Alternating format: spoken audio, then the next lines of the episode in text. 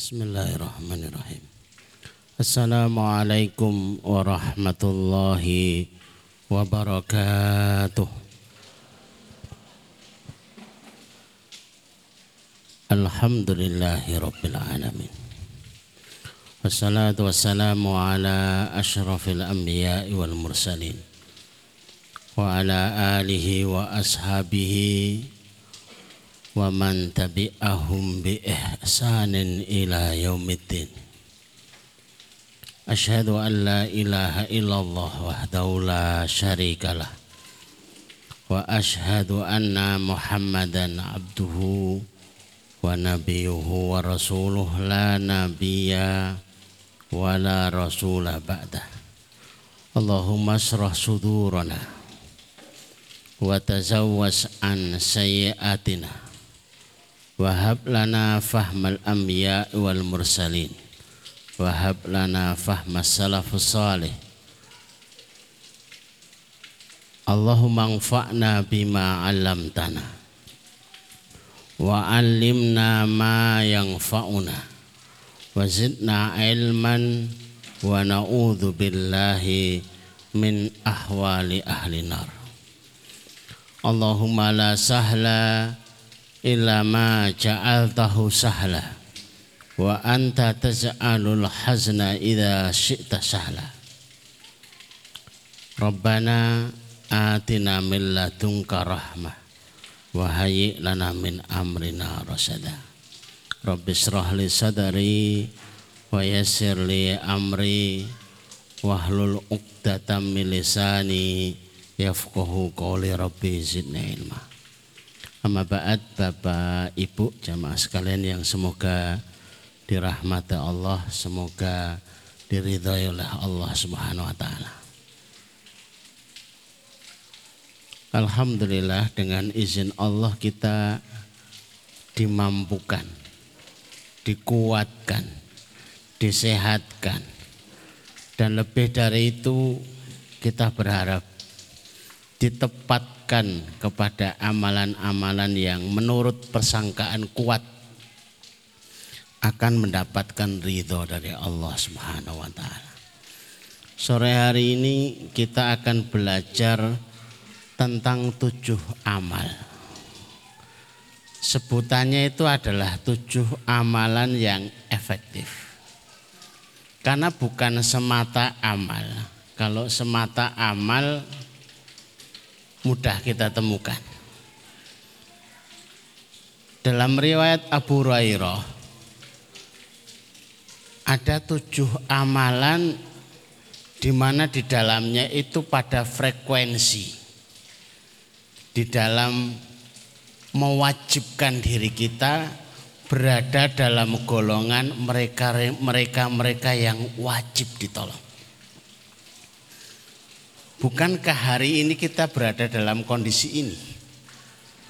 Apakah kesehatan kita? Apakah keselamatan kita? Apakah itu kebahagiaan kita? Ataukah itu rezeki-rezeki kita sekalian? Dalam kondisi yang demikian maka kita butuh sebuah amal yang dengan amal itu efektif di dalam mengundang pertolongan Allah Azza wa Jalla. Maka, maka ada tujuh amal yang kita akan sebutkan di dalam sore hari ini.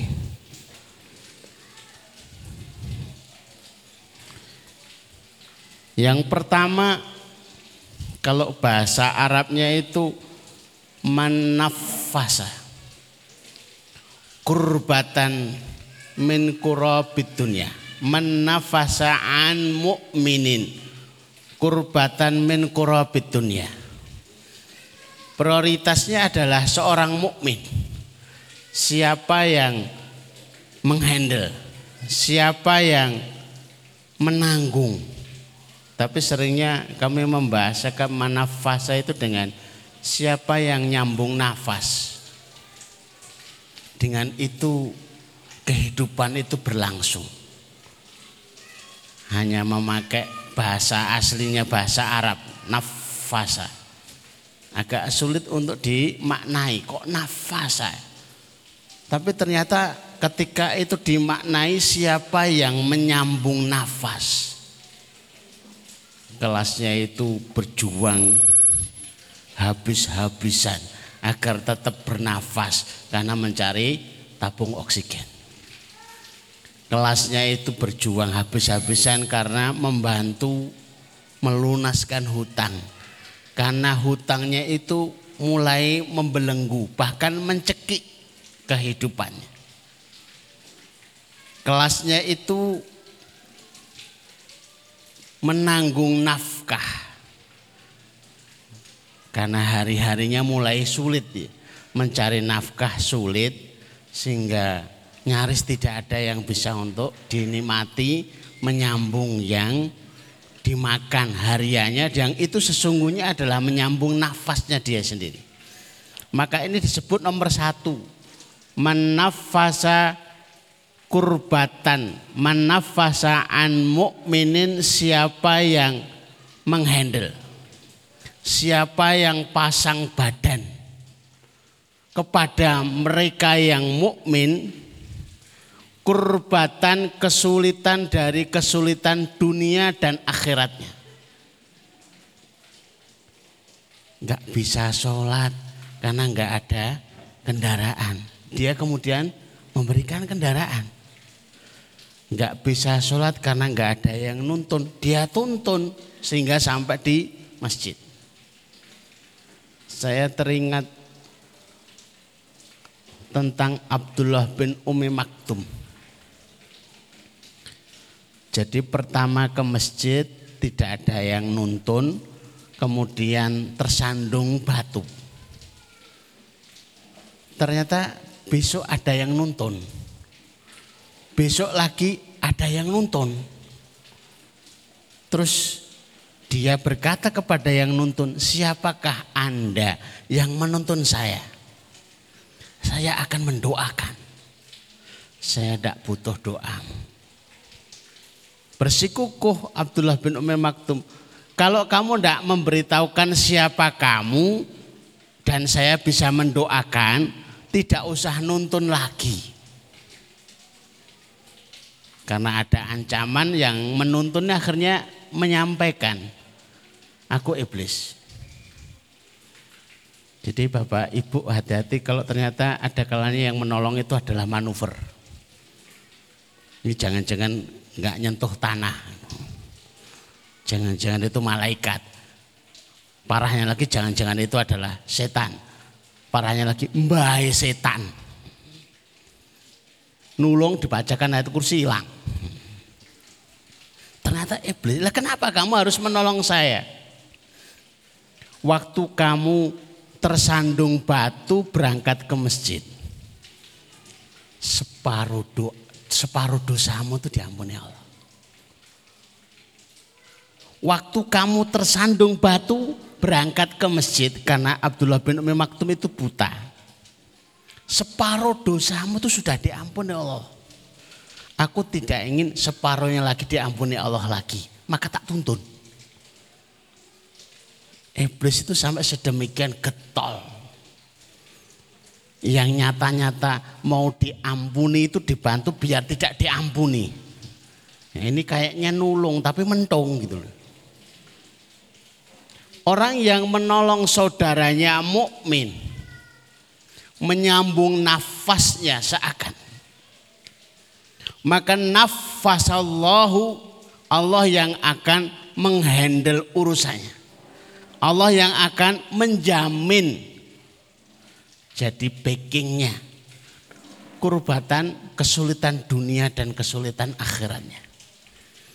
Jadi ternyata jenis amalan takwa itu dunyatan wa ukhratan dunianya dapat akhiratnya dapat. Bisa jadi itu membayar hutang. Nomor satu. Ya.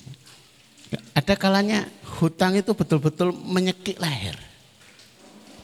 Ada jamaah kami itu gegara hutang 80 juta.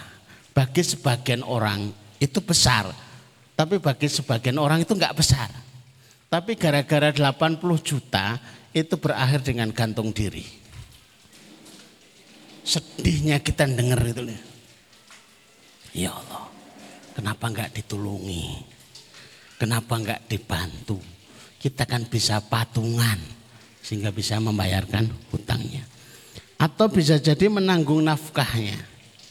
Gara-gara mencari nafkah, kemudian kesulitan yang ada, akhirnya tidak ada yang dimakan, akhirnya kelaparan, bahkan bisa menjadi meninggal dunia. Menyelesaikan urusannya. Ternyata urusannya itu serba sulit, mencarikan jodoh anaknya atau urusannya hanya sekedar menghitankan putranya, tapi itu sebuah urusan mencarikan oksigen kembali lagi, mencarikan minuman, mencarikan obat, mencarikan apa saja yang menjadi kebutuhan. Yang keempat, menyelesaikan tanggungan. Gara-gara SPP yang enggak dibayarkan enggak boleh ikut ujian.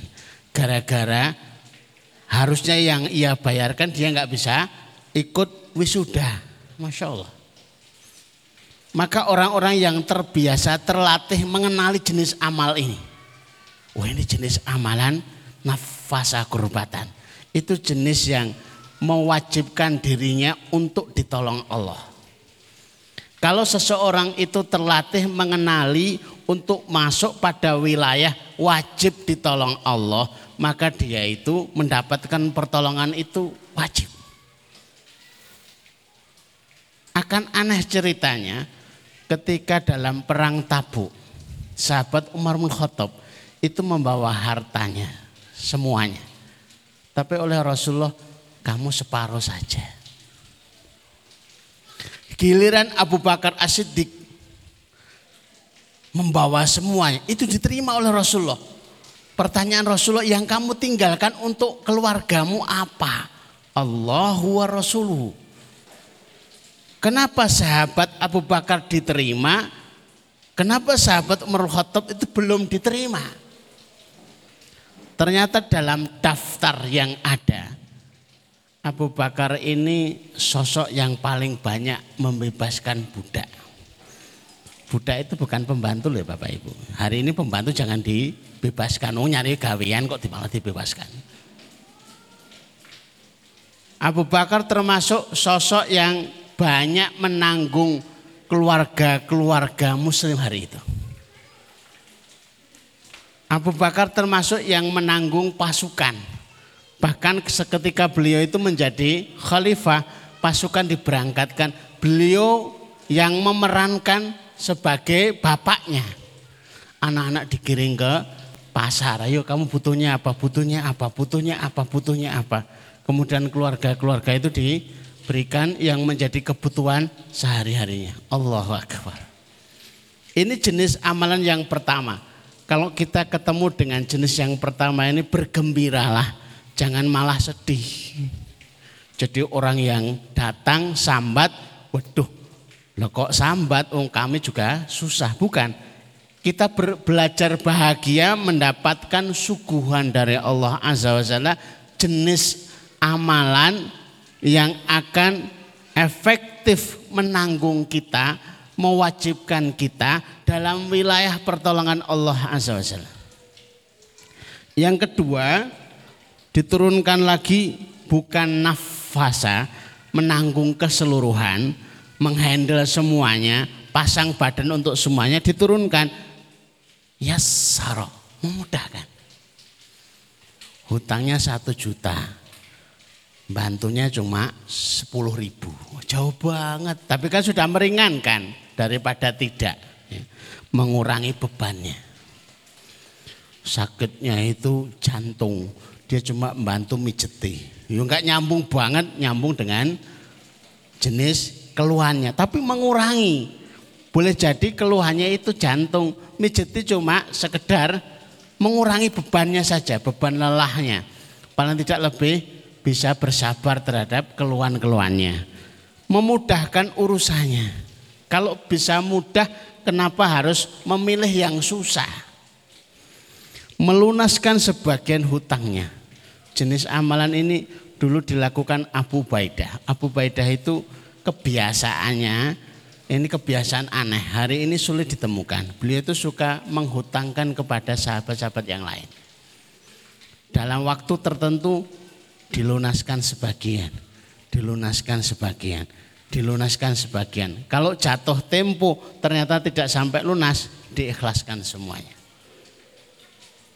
Bahkan ada tabiin itu yang sengaja ketika sahabat-sahabatnya itu tidak banyak yang membesuk ketika ia sakit, maka dia membuat pengumuman siapa yang besuk maka hutangnya lunas. Rumahnya penuh dengan pembesuk sampai kusennya itu jebol pintunya itu. Ini kan aneh. Ada nggak pengumuman begitu kan aneh itu. Ketika ditanya wahai Abu Ubaidah, kenapa seperti ini jenis amalanmu? Aku pengen kelak di yaumul akhir ketika tuntutan saya itu terlalu banyak, kemudian Allah melunaskan. Sebagaimana saya melunaskan hutang sahabat-sahabat saya. Ketika harus dituntut dengan sesuatu yang besar, kami tidak berkemampuan, kemudian Allah memaafkan sebagaimana mereka-mereka itu saya maafkan. Ini jenis amalan langka. Ada satu saja itu yang rubut banyak itu. Antri itu. Hutang-hutang itu aja. Jadi menjadi langganan hutang banyak itu ya. Kemudian memudahkan kesulitannya yang kelihatan benang ruwet itu diurai ternyata kok mudah.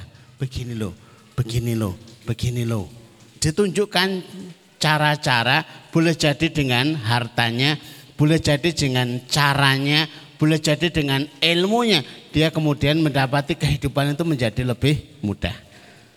Bapak Ibu yang dirahmati Allah yang ketiga, yang satu frekuensi. Kayaknya biasa, tapi itu termasuk frekuensi menutup aibnya. Siapa yang menjamin aib-aib kita itu tidak akan terurai? Maka biasakan untuk berusaha menutup aib. Merahasiakannya kalau itu aibnya. Tahu kekurangannya jangan dibicarakan.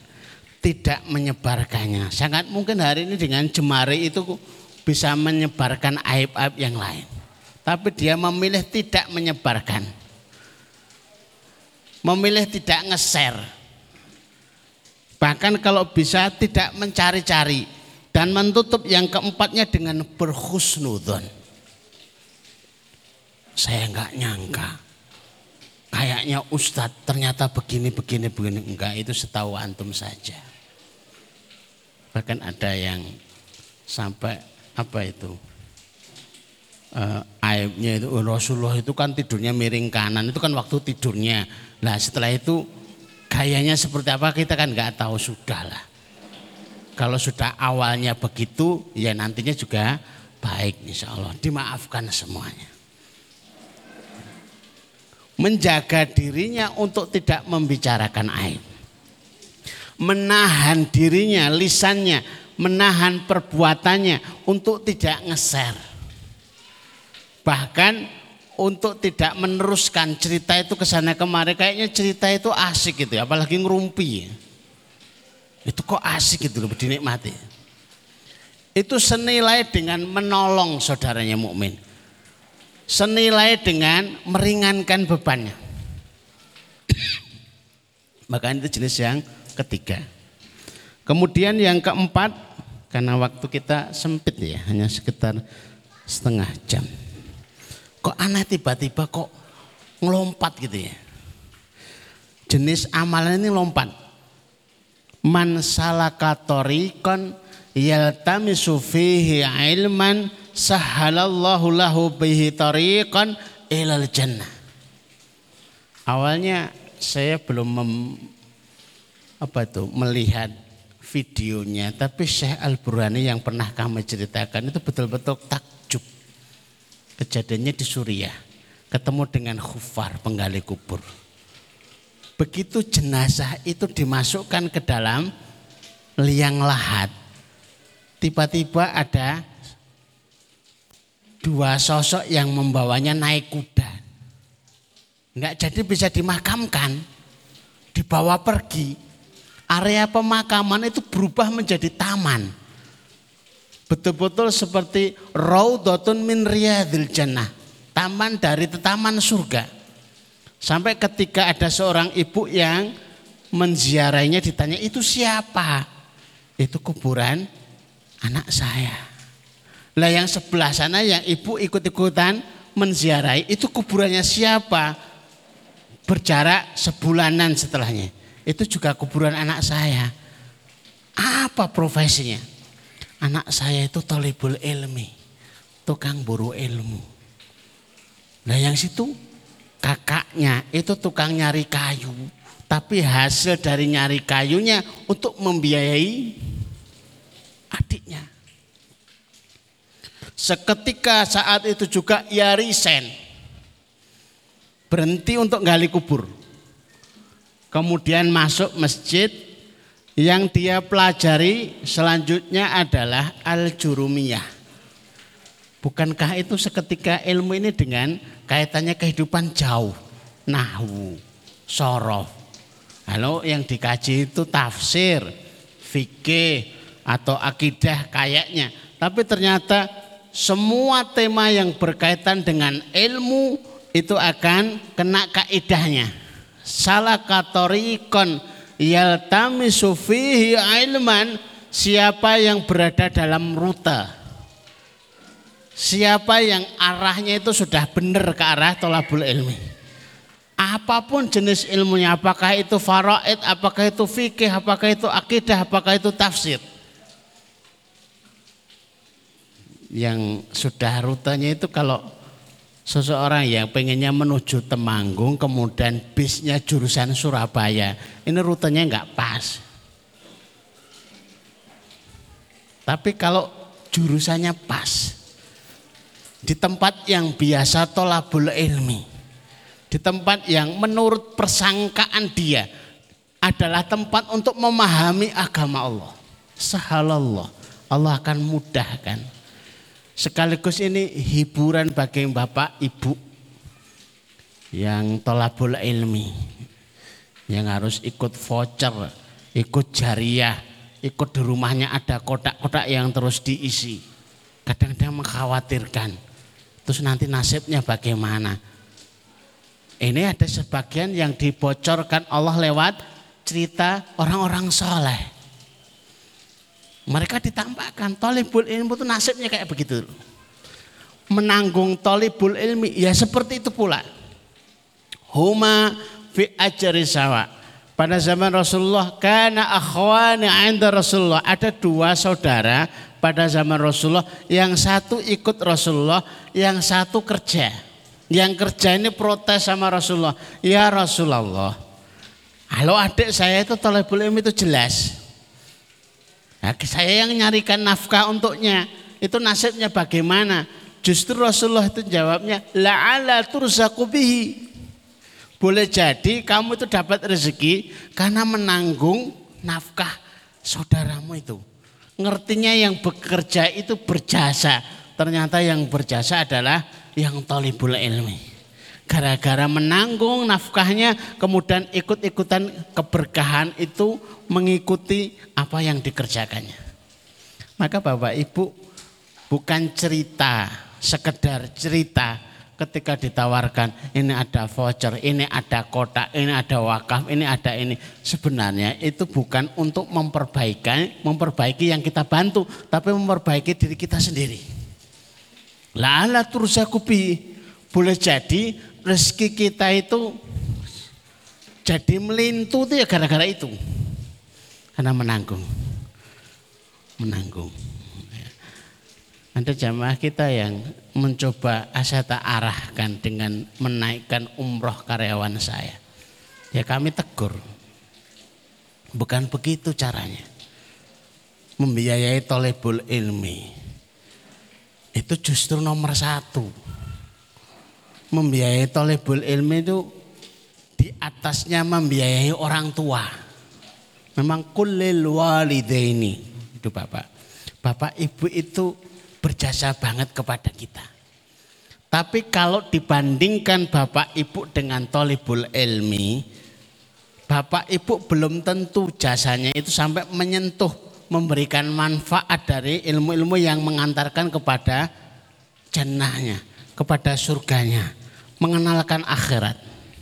Tapi kalau talibul ilmi sepenuh harapan, sepenuh cita-cita, sepenuh doa, itu ingin menjadi alim yang akan mengajarkan walaupun itu alif bata.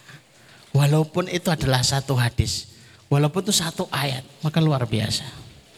Berkomitmen mencari ilmu, membiayai, bersabar dalam mencari ilmu din yang utama maka bersyukurnya kita dituntun, diarahkan, mudah-mudahan ditepatkan kepada keadaan, kepada komunitas yang jelas-jelas. Bukan hanya sekedar ilmu, tapi langsung kepada kitabullah.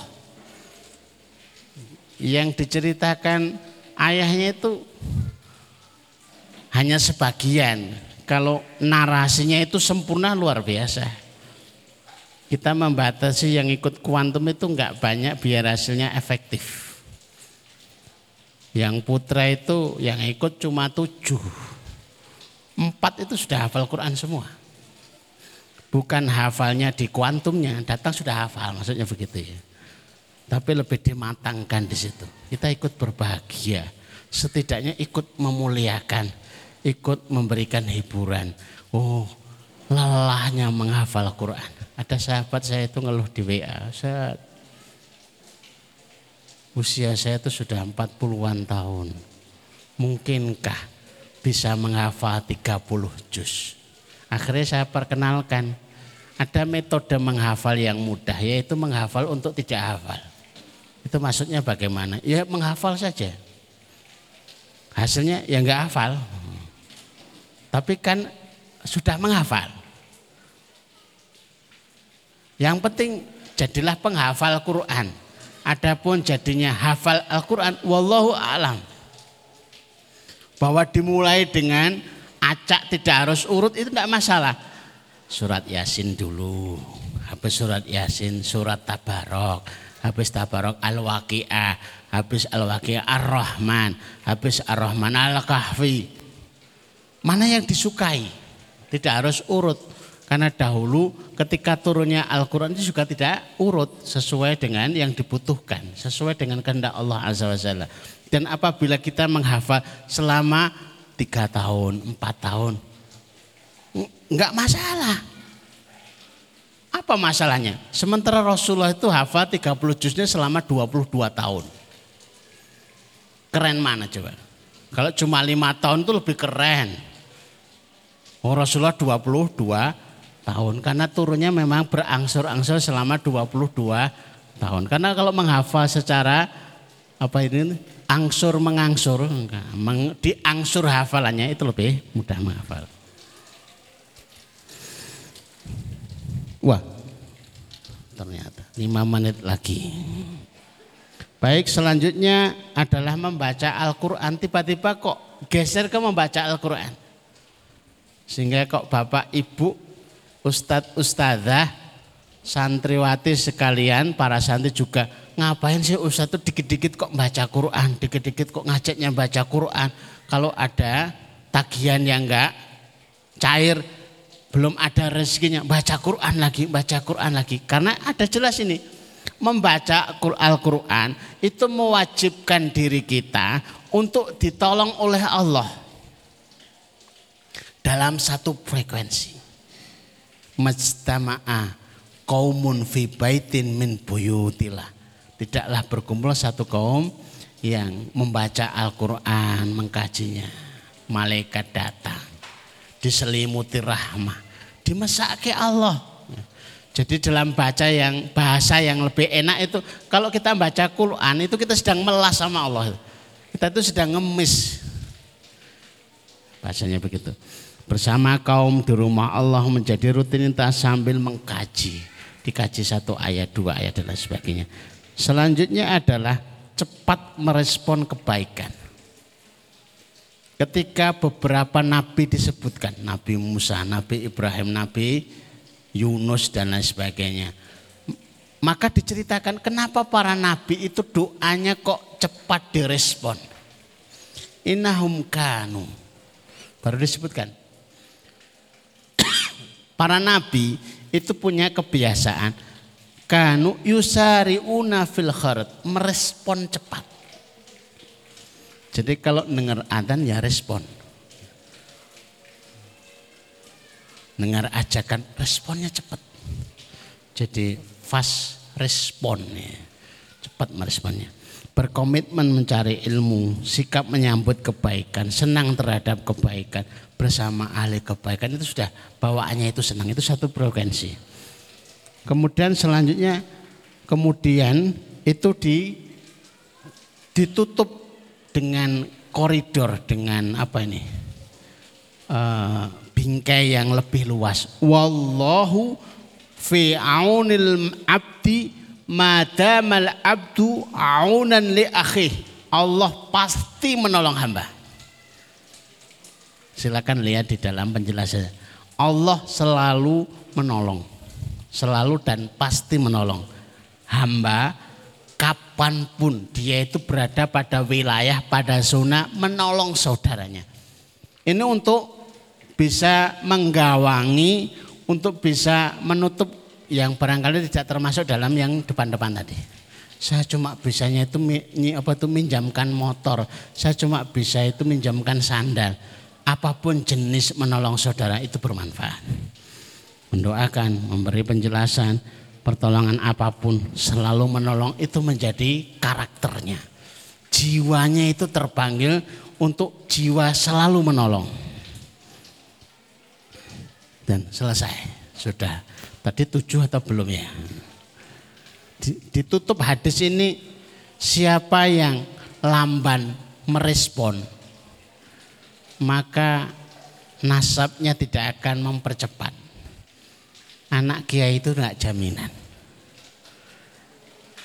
Jangankan kok anak kiai, anaknya nabi aja enggak jaminan.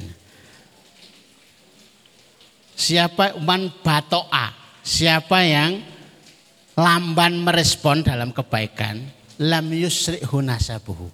Tidak akan nasabnya kemudian menjamin akan menambah cepat, enggak. Jadi merespon itu luar biasa. Bapak Ibu yang dirahmati Allah, mudah-mudahan tujuh amalan efektif. Kami ceritakan, kami sampaikan, kami jelaskan agar kita bisa memprioritaskan, memprioritaskan, bisa memilih, oh di antara sekian amal, oh ini jenis ini, ini jenis ini, jenis ini. Harapannya semua kita adalah hamba-hamba Allah yang wajib ditolong oleh Allah. Hamba-hamba Allah yang pertolongan itu bukan lagi sebagai spekula, sebagai spekulasi, tapi pertolongan Allah itu adalah pasti. Bahwa ditolong itu bukan dalam penantian, tapi hanya menunggu waktu saja. Tapi keyakinannya pasti karena kita berada dalam amalan yang efektif untuk bisa ditolong oleh Allah Azza wa Mudah-mudahan bermanfaat. Kita tutup dengan bersama-sama berdoa kepada Allah.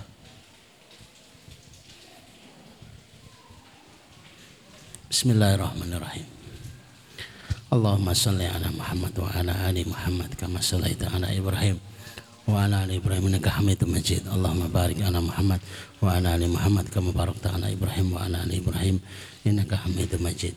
Walhamdulillahi alamin hamdan syakirin hamdan naimin hamdan ni'amu yukafi mazidah ya Rabbana lakal hamdu kama yanbaghi li jalali wajhika wa adhimi sultanik la ilaha ila anta subhanaka inni kuntu minna zalimin.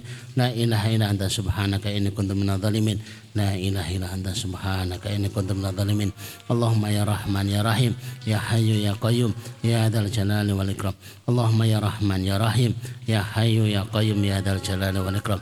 Allahumma ya Rahman ya Rahim ya Hayyu ya Qayyum ya Adal jalali wal ikram.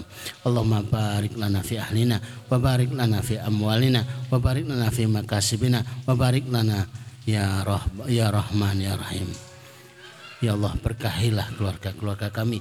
Ya Allah berkahilah harta-harta kami. Ya Allah berkahilah usaha-usaha kami. Ya Allah berkahilah semua yang ada kami, yang ada pada kami berahmatika ya arhamar rahimin. Allahumma inna nas'aluka min khairin ma sa'ala min nabiyyika Muhammad sallallahu alaihi wasallam wa na'udzubika min syarri ma sta'ada min nabiyyika Muhammad sallallahu alaihi wasallam antal musta'an alaika balak wa la khaula wa la quwata illa billah ya Allah sesungguhnya kami mohon seluruh kebaikan yang diminta oleh nabi kami sallallahu alaihi wasallam ya Allah sesungguhnya kami meminta perlindungan seluruh perlindungan yang pernah diminta oleh Nabi kami Shallallahu Alaihi Wasallam. Engkaulah tempat kami meminta la khala wa la quwata illa billah. Engkau lah yang menyampaikan urusan la khala wa la quwata illa billah. Allahumma kfina bihalalika an haramika wa aghnina bi fadlika amman siwaka. Allahumma kfina bihalalika an haramika wa aghnina bi fadlika amman siwaka. Allahumma kfina bihalalika an haramika wa aghnina bi fadlika amman siwaka Ya Allah cukupkan kami dengan rezekimu yang halal sehingga kami tidak butuh dengan yang haram. Ya Allah kayakan kami dengan anugerahmu sehingga kami tidak butuh kepada selainmu birahmatika ya arhamar rahimin. Allahumma inna nas'aluka amalan baran wa rizqan daran wa aishan wa qaran. Ya Allah anugerahkan kepada kami amalan yang baik-baik, rezeki yang mengalir, kehidupan yang tentram. Birahmatika ya arhamar rahimin. Allahumma dzib hammana, Allahumma dzib hammana, Allahumma dzib hammana. Ya Allah angkatlah kesulitan-kesulitan kami. Ya Allah angkatlah kegalauan kami. Ya Allah urailah problematika kami berahmatika ya rahman rahimin. Rabbana atina fid dunya hasanah wa fil akhirati hasanah wa qina adzabannar wa qina adzabannar wa qina adzabannar. Wa sallallahu ala Muhammadin wa ala alihi wa sahbihi wa sallim. Subhana rabbika rabbil izzati amma yasifun wa salamun alal mursalin. Walhamdulillahi rabbil alamin. Amin Qul qali hada nastaghfirullah li wa lakum. Subhanakallahumma rabbana wa bihamdika asyhadu an la anta astaghfiruka wa atubu. Assalamualaikum warahmatullahi wabarakatuh.